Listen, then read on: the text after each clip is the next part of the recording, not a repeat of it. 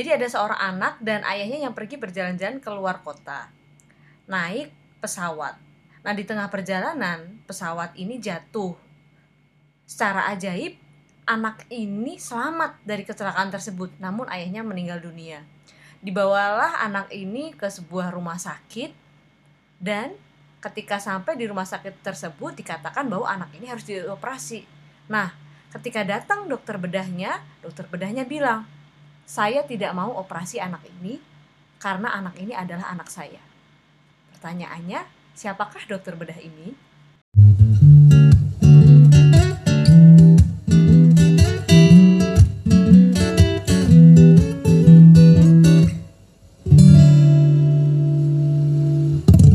Hai, ketemu lagi dengan saya, Dr. Sheila Putri Sundawa di Relatif Perspektif Podcast. Baru beberapa hari yang lalu, tepatnya tanggal 21 April, kita merayakan Hari Kartini. Hari yang dirayakan oleh seluruh perempuan di Indonesia. Hari lahir ibu kita Kartini bukan bertanda bahwa perempuan di Indonesia sudah merdeka.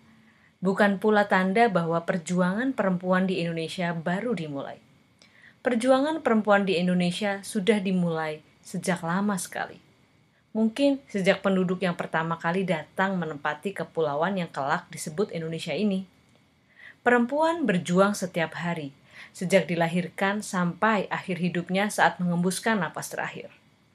Perjuangan perempuan berbeda dari yang lain, karena perjuangan perempuan baik itu di Indonesia ataupun di seluruh dunia adalah perjuangan yang hasil akhirnya tidak hanya akan memperbaiki kehidupan kaum perempuan itu saja, tapi seluruh anak cucunya apa pun jenis kelaminnya. Beberapa profesi pada mulanya tidak memperbolehkan perempuan untuk menduduki profesi tersebut. Contohnya dokter. Setelah beberapa tahun kemudian profesi ini memperbolehkan perempuan untuk masuk menjadi dokter, beberapa program studi spesialisasi tidak menghendaki dokter yang berjenis kelamin perempuan untuk melanjutkan pendidikan di bidang yang ia minati karena dianggap terlalu maskulin di kala itu. Contohnya program studi bedah. Di awal podcast ini, saya menampilkan sebuah pertanyaan. Ada beberapa respon yang masuk dari teman saya yang berprofesi sebagai dokter. Dokternya adalah ayah angkatnya. Dokternya itu malaikat. Dokternya salah karena anak itu cuma mirip sama anaknya, tapi sebenarnya bukan anaknya. Dokter itu adalah ayah kandungnya. Jadi yang pergi sama si anak itu adalah ayah angkatnya tapi si anak nggak tahu. Jawabannya dokternya ibunya. Nah, jawaban yang benar dari pertanyaan ini adalah dokter tersebut adalah ibunya. Hampir semua dokter yang tadi saya tanya tentang pertanyaan ini menjawab salah. Hanya satu yang terfikir bahwa dokter bedah ini adalah ibunya. Hal ini menggambarkan bahwa di alam bawah sadar kita banyak yang beranggapan seorang dokter bedah pasti adalah laki-laki. Padahal kan bukan begitu. Nah, hari ini saya akan bercakap dengan salah seorang dokter perempuan yang pertama kali melawan arus di zamannya dan merintis jalan untuk perempuan-perempuan lain setelahnya. Beliau berhasil membuktikan bahwa perempuan sama berkualitasnya dengan seorang lelaki dalam keterampilan ilmu bedah. Beliau adalah seorang ahli bedah plastik, salah satu yang paling ternama di Indonesia dan yang paling dicari. Prof. Dr. Haula El Sukasa, spesialis bedah, spesialis bedah plastik rekonstruksi konsultan. Selamat sore, Prof. Terima kasih sudah bersedia meluangkan waktu. Selamat sore.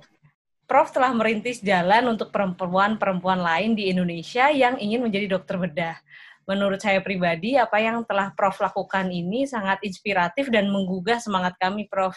Saya tidak terbayang waktu dulu bagaimana sulitnya Prof menyesuaikan diri saat awal masuk dan menjalani pendidikan karena hampir semua temannya laki-laki Prof. Ya sebetulnya yang saya bikin nggak banyak ya sebetulnya itu itu hanya uh, awal-awal tuh memang saya suka bagian bedah aja karena dari kecil uh, biasanya uh, ayah saya kan suka visit hari Minggu ya lihat pasiennya. Iya, Selalu saya bawa sama dia gitu. Tapi meskipun saya disuruh apa namanya tunggu di luar, dia masuk ke kamar pasien satu-satu, saya suka ngintip gitu. Hmm. ngintip ke dalam ya, ngintip lihat pasiennya, terus itu segala macam. Terus saya tuh kok kayaknya eh, meskipun lukanya itu jelek-jelek ya, apa gimana gitu. Iya. Tapi kok kok suka gitu ya. Suka, mula-mula suka dulu waktu masih kecil. Dan saya merasa ayah saya tuh kayak pahlawan gitu deh. Karena waktu dulu kan dokter bedah kan cuma sedikit kan bisa dihitung sama jari. Iya, betul, Prof. Terus udah gitu eh, setelah saya tamat SMA, lalu saya kepengen jadi dokter gitu. Emang dari dulu waktu dari SD saya kalau ditanya pengen jadi dokter gitu. Memang dari dulu udah mau jadi dokter. Tahun berapa, Prof? Maaf, waktu itu, Prof. Eh, tahun 69 itu saya masuk ke dokteran. Ah, Tamat tahun 74. baik. Kemudian eh, saya setelah selesai dengan berjalan itu kan biasanya kita kan kalau kita eh, stase itu kan lewat ke bagian-bagian kan. Iya, Ya. Prof. Nah, kalau menurut saya itu yang paling simpel tuh dokter bedah gitu. Jadi kalau ketemu pasien sakit periksa misalnya indikasi operasi operasi terus pasiennya sembuh gitu. Kalau lain penyakit dalam ya penyakit dalam tuh susah loh ilmunya menurut saya susah banget ya. Saya nggak begitu nggak begitu suka ilmunya karena susah. Untuk Mm-mm. saya susah. Jadi saya nggak nggak nggak nggak kepengen masuk yang lain. Apalagi anak ya. Anak itu pasiennya dideketin aja udah nangis. Aduh. Jadi saya masih tetap tertarik mau jadi ahli bedah. Yang paling parahnya, ayah saya nggak ngebolehin saya masuk bedah. Hmm. Dia bilang gini, dokter bedah itu hanya untuk buat laki-laki katanya. Kamu udah jadi dokter anak aja atau jadi di kebidanan gitu segala macam. Akhirnya sempat saya bilang bahwa kalau saya nggak boleh masuk bagian bedah, saya nggak mau jadi dokter. Saya saya berhenti aja saya bilang gitu. Nah terus ayah saya diem aja gitu ya. Terus untung nih ya, waktu saya tingkat lima, ayah saya jadi dekan. Mm-mm. Kan bagian bedah lagi kan. Mm-mm. Nah, sedangkan di bagian bedah itu tingkat saya kan tingkat lima kedokteran dibilang bahwa dibuka kemungkinan untuk eh, daftar spesialisasi gitu bagian bedah. Ah. Ulang aja saya daftar karena nggak ada ayah saya di situ kan. Oh, gitu, Prof. Tolong sama Prof Samsu ya sama Iya. Dokter Joko Ranto. Mereka tuh baik baik sekali. Saya bilang saya tuh mas saya mau masuk bagian bedah. katanya. Saya bilang gitu. Oh ya katanya. Terus tuh kayaknya mendapat sambutan baik gitu. Iya. ya udah kamu daftar aja katanya gitu terus saya daftar daftar terus diomongin lah di bagian belah itu minus ayah saya ya ayah Iya. saya urusan pendidikan di depan nah terus udah lama-lama akhirnya toh pada waktu penerimaan itu kan harus karena ayah saya kepala bagian bedah juga jadi Prof Samsu pejabat kepala bagian dulu ya Iya, Prof.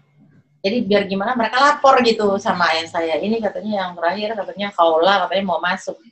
Terus ayah saya bilang ngapain sih dia masuk masuk sini gini gini? Pokoknya terus akhirnya dibelain sama Prof. Samsu sama Mas Joko ya. Dia bilang kenapa kita nggak coba aja? Kalau dia nggak kuat kita percobaan tiga bulan.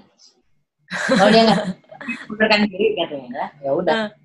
Terus di, eh, nggak lama kemudian kan tahun depannya kan saya tamat jadi dokter terus eh, masuk bagian darah sampai Ah. sampai ibu saya disuruh bujukin saya suruh nggak boleh jadi bagian masuk bagian bedah nggak jadi dia udah ke bagian anak aja gitu kebetulan angka saya tuh bagus di bagian anak. Kenapa? Karena saya nggak mau ngulang di bagian yang saya nggak suka. Jadi saya belajar- Oh, kalau ngulang lagi kan nggak awat kan? Iya. yang kita nggak suka gitu. Iya, Prof.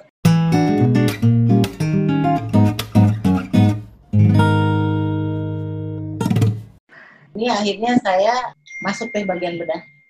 Terus diwawancara sama Prof. Samsu. Terus Pak Prof. Samsu bilang kamu ngapain sih masuk sini? Eh, kamu nggak baik nggak nggak sebaiknya kamu masuk bagian kulit atau bagian anak.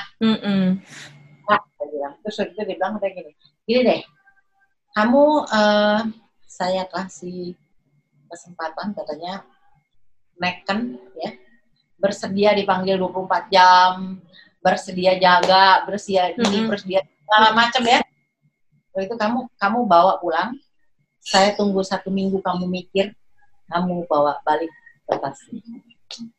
Depan Prof Samsu, begitu saya dapat, saya tekan langsung saya balikin. Luar biasa, Prof. Habis apalagi coba yang mau dipilih kan nggak ada lagi yang gue suka gitu. Iya, iya betul, Prof. Saya mikir tujuh hari. sama aja. Dan suami saya waktu saya tamat dokter, dia bilang, udah deh kamu masuk bagian anak aja, ngapain sih kamu di bagian di bagian bedah itu kan jaganya segini, gini, gini, gini. Terus saya bilang gini, gini ya, saya jatuh cinta sama bagian bedah lebih dulu daripada sama kamu. Nggak. Ya, itulah ya perjalanan akhirnya jadi juga. Terus hari demi hari ya, memang berat, bagian bedah itu berat, tapi karena saya suka, itu nggak nggak jadi masalah gitu ya. Mau nggak tidur dua hari juga nggak apa-apa deh karena apa yang saya kerjakan itu saya suka. Nah, Ah, intinya saya Iya. kasih tahu sama eh, teman-teman saya bilang lu ngapain sih masuk bagian udah gila lu katanya eh, kerjaannya kayak kuli gitu segala. Intinya ya saya kasih tahu ya intinya iya, Prof. apa pun yang kamu seberat apa pun yang kamu masuk kalau kerjaan itu kamu suka itu nggak masalah. Hmm. Mikirnya gini aja deh kita nih jatuh cinta ya sama orang ya Mm-mm. udah gitu kita disuruh sama ibu kita ngapain sedikit aja kita malas kan Iya. kalau nemuin cowok kita biar susah juga kita kita lompat pergi, pergi gitu kan nah kayak gitulah kayak gitu kayak jatuh cinta gitu Kayak gitu ya, Prof ya. nggak ada yang berat kalau kita suka Iya, iya. Betul, Prof. Tidak ada yang berat kalau kita suka ya, Prof ya. Waktu itu, Prof, apakah Prof masih jadi satu-satunya perempuan di program studi itu atau sebelumnya sudah pernah ada, Prof? nggak saya yang nomor satu makanya saya buka jalan Wah, luar biasa. Jadi Prof benar-benar sendirian ya, Prof, waktu itu? dulu juga ada a- a- ada yang masuk tapi keluar keluar keluar gitu. Oh, nggak kuat, Prof, gitu ya. Em, Nggak, ada juga yang baru diwawancara dibilangin gini gini gini gini, gini akhirnya mengundurkan diri gitu luar biasa. Jadi Prof udah teguh hati, udah mau pilihannya. Jadi apa pun yang dihadapi karena emang sudah pilihannya itu menjadi sesuatu yang bisa dihadapi gitu ya, Prof. pokoknya mati-matian mesti jadi Luar biasa, Prof. Ini mesti banyak yang belajar dari Prof nih. sebagai ibu ya sebagai Iya. ibu Iya, Prof. istri nah itu ada suka dukanya kita tuh jaga tuh dari siang ya waktu dulu saya dari siang jam 2 siang masuk Iya. sampai pagi terus kerja lagi sampai jam 2 siang lagi kan Iya, Prof. jadi kita di, di rumah sakit tuh sehari eh, se- 24 jam gitu deh Iya. terus pulang-pulang itu kan dulu kan saya baru menikah ya Mm-mm, jadi Prof. pembantu belum benar gitu segala macam kebetulan saya tuh bisa masak gitu Mm-mm. Saya kalau masak itu saya kalau makan itu saya hari minggu saya belanja buat seminggu. Lantas malam saya masak buat makan siang sama makan malam. Ha-ha. Nah, nanti malamnya tuh saya masak lagi buat makan siang makan malam makan siang makan malam. Sampai saya dapat pembantu yang dia eh, tukang masak saya pertama. Nah sampai dia ada baru normal ya masaknya pagi. Mm-mm. Kadang-kadang saya selalu gitu masak malam buat makan siang malam. Kalau pagi-pagi kan cuma makan roti aja kan. Udah, terus itu punya anak ya, punya anak kan ada suster kan.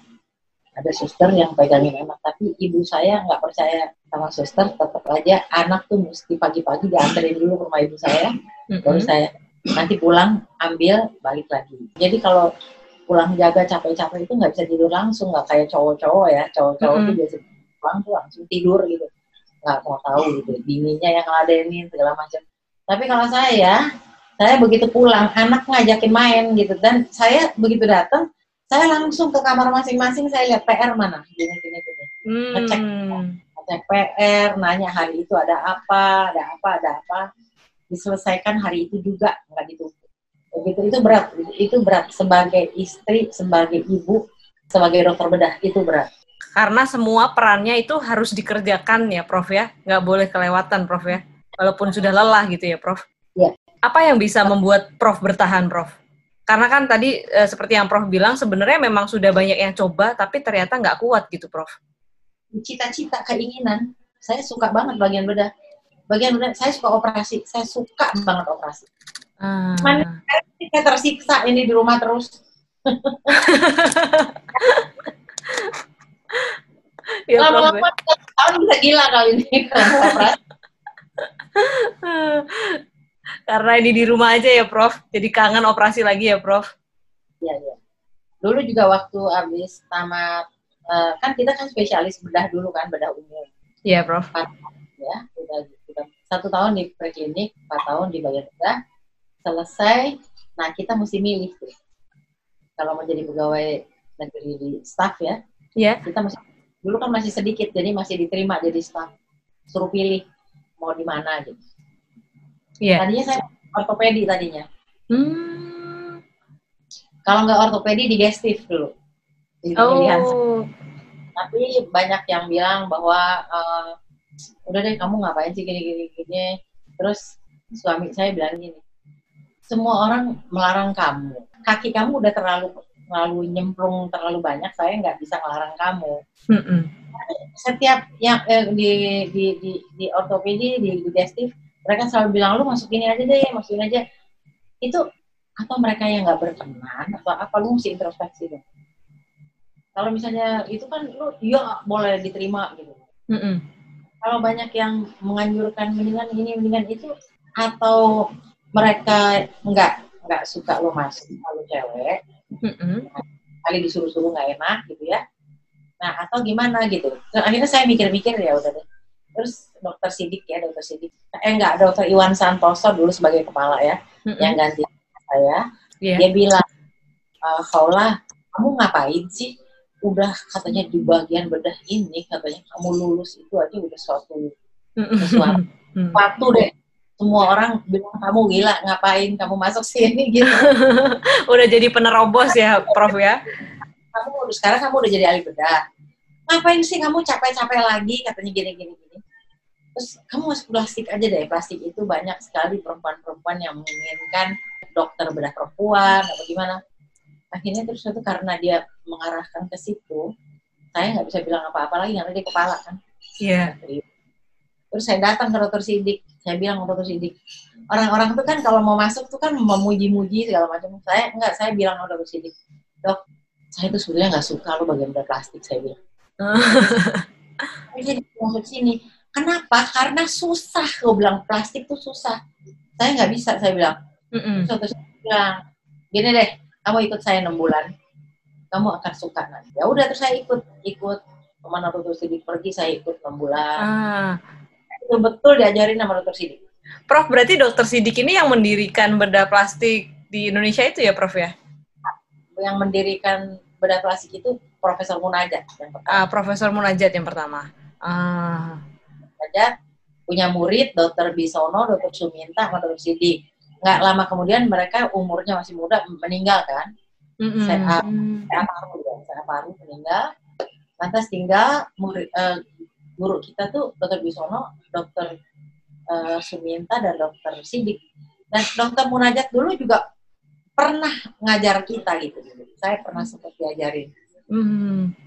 gitu Karoles ya ikut operasi segala macam lihat dia operasi tangannya betul-betul bagus nah terus akhirnya saya ikut dokter sidik dokter sidik pun bagus ya kerjanya bagus banget jadi eh, begitulah terus akhirnya saya di dididik sama dokter sidik akhirnya ya saya jadi jadi kayak gini Baik, luar biasa Prof perjalanannya.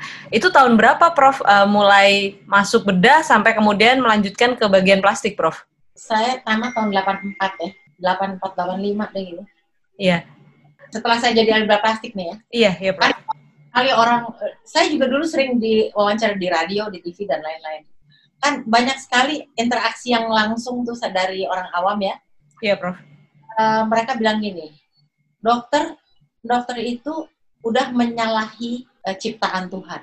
Eh, dokter merubah-rubah itu kan di Quran nggak boleh merubah-rubah ciptaan Tuhan. Terus saya bilang saya bukan ngejelekin atau gimana.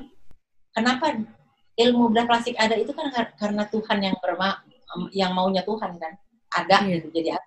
Kalau tidak, tidak tidak diadakan oleh Tuhan juga nggak bakalan ada gitu kan. Iya betul Prof. terus gini jadi sa- dia bilang kayak gini buat apa sih? Katanya eh, ibu-ibu ada ya yang bilang buat apa dokter ngerubah-rubah katanya yang udah ada? Terus saya bilang gini bu ibu barangkali beruntung karena ibu cantik. Hmm.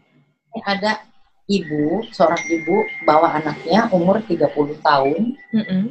sampai menangis dia bilang dok tolong dok ini anak saya ini udah umur 30 tahun sedikit pun tidak pernah ditoleh oleh laki-laki akhirnya saya lihat memang ada eh, bisa yang diperbaiki sedikit hidungnya, matanya ya.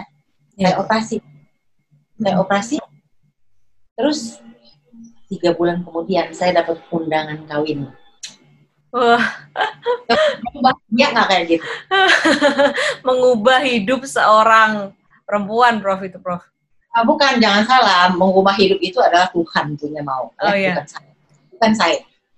Saya ini cuman kasih sedikit sentuhan aja.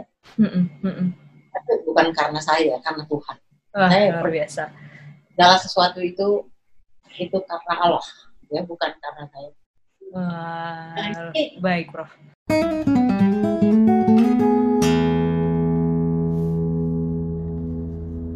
Apalagi ya di di di apa namanya di lampu merah ya.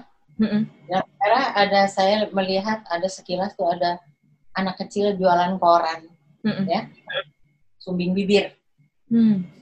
Terus saya lihat, saya lihat dia terus saya cepet-cepet karena udah mau hijau ya, eh, terus saya keluarin kartu nama saya, saya kasih dia. Kamu datang ke tempat saya, ibu kamu suruh telepon saya di sini saya bilang. Mm-mm. telepon ya telepon saya bilang nggak boleh nggak telepon sampai orang di belakang udah tan tan tan tan. akhirnya ka- karena saya mesti men- meyakinkan dia ibunya mesti telepon saya. Mm-mm. itu kamu saya beterin ini bibirnya saya bilang. Iya. nah terus waktu itu i- eh, ada ibu ibu-ibu telepon saya. Bu dokter ini eh, anak saya suruh saya telepon ibu apa benar bu? Iya ibu anaknya tuh eh, anaknya kan ini mau mau nggak saya perbaiki? Saya bilang saya operasi ya eh, mau sih bu tapi katanya saya udah usaha mahal operasinya oh nggak Iya. usah bayar bilang. datang ke saya saya operasi nggak usah bayar udah gitu dia bilang katanya anaknya ini kenapa kenapa jual koran nggak sekolah dia nggak mau sekolah karena diledek-ledekin sama temen-temennya di sekolah Oh. Nah, saya bilang, saya benerin. Saya operasi, terus udah nih ya, Hah? angkat jahitan. Dan ibunya masih setahun dua tahun, kalau lebaran tuh ngirimin, aduh saya tersentuh deh. Ngirimin ketupat sama opor, tau nggak satu rantang. Wah. Jadi ya, semua makanan orang-orang yang ngasih saya, saya nggak makan, saya yang saya makan itu. Kasih ya. Anak siapa ya namanya lupa saya.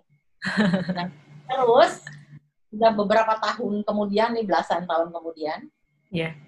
Lagi ke poli ke depan RSCM, tahu-tahu ada yang manggil, dokter Haula katanya gitu. Iya.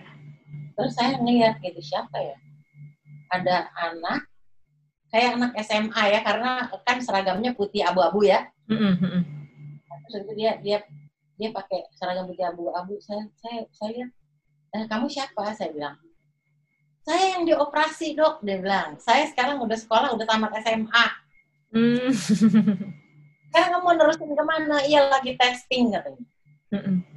Kamu seneng gak sih gitu? Iya, luar biasa, Prof. anaknya nggak mau sekolah ya jualan Iya. koran Iya.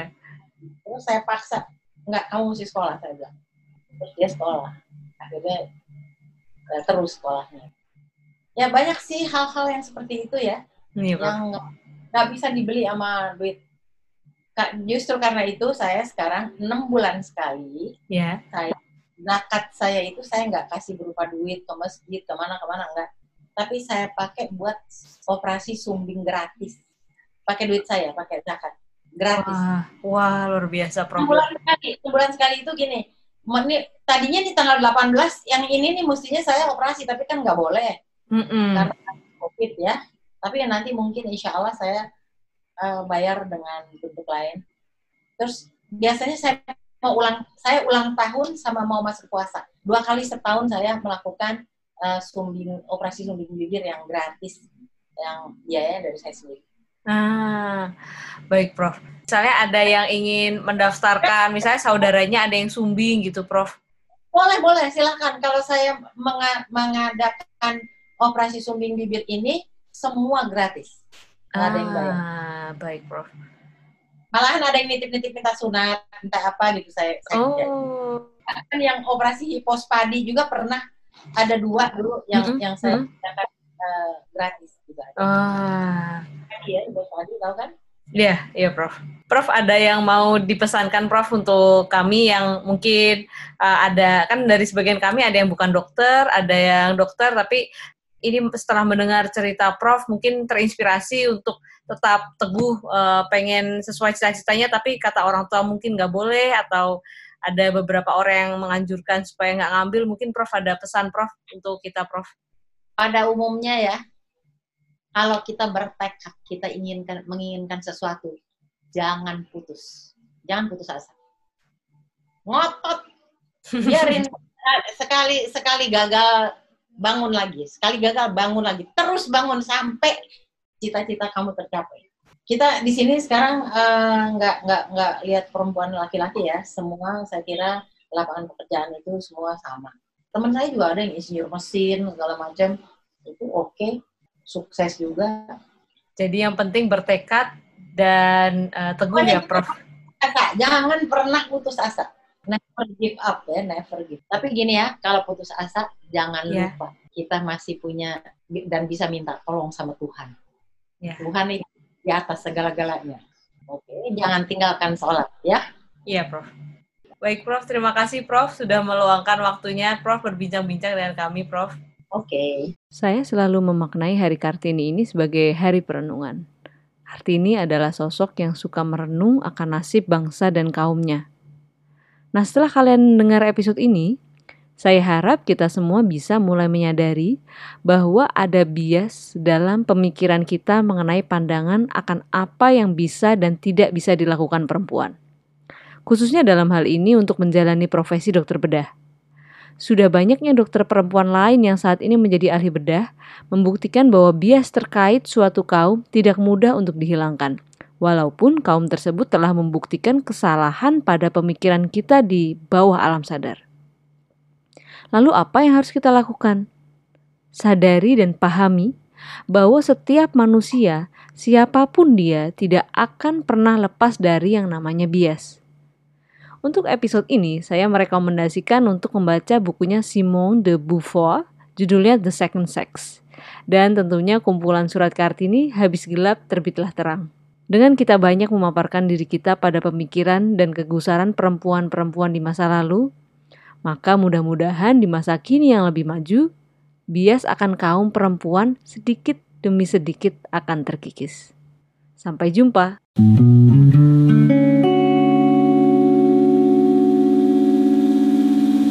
Jangan lupa, kalau kalian suka dengan episode podcast ini, follow podcast kita dan share ke teman-teman kalian yang lain supaya mereka juga bisa mendapatkan manfaat seperti yang kalian juga dapatkan. Jangan lupa juga untuk follow Twitter saya at Oxfara. Di situ kalian bisa mendapatkan banyak info kesehatan dan juga update setiap episode barunya Relatif Perspektif Podcast. Di Instagram kita juga ada di relatif.perspektif. Sampai ketemu di episode selanjutnya. Bye!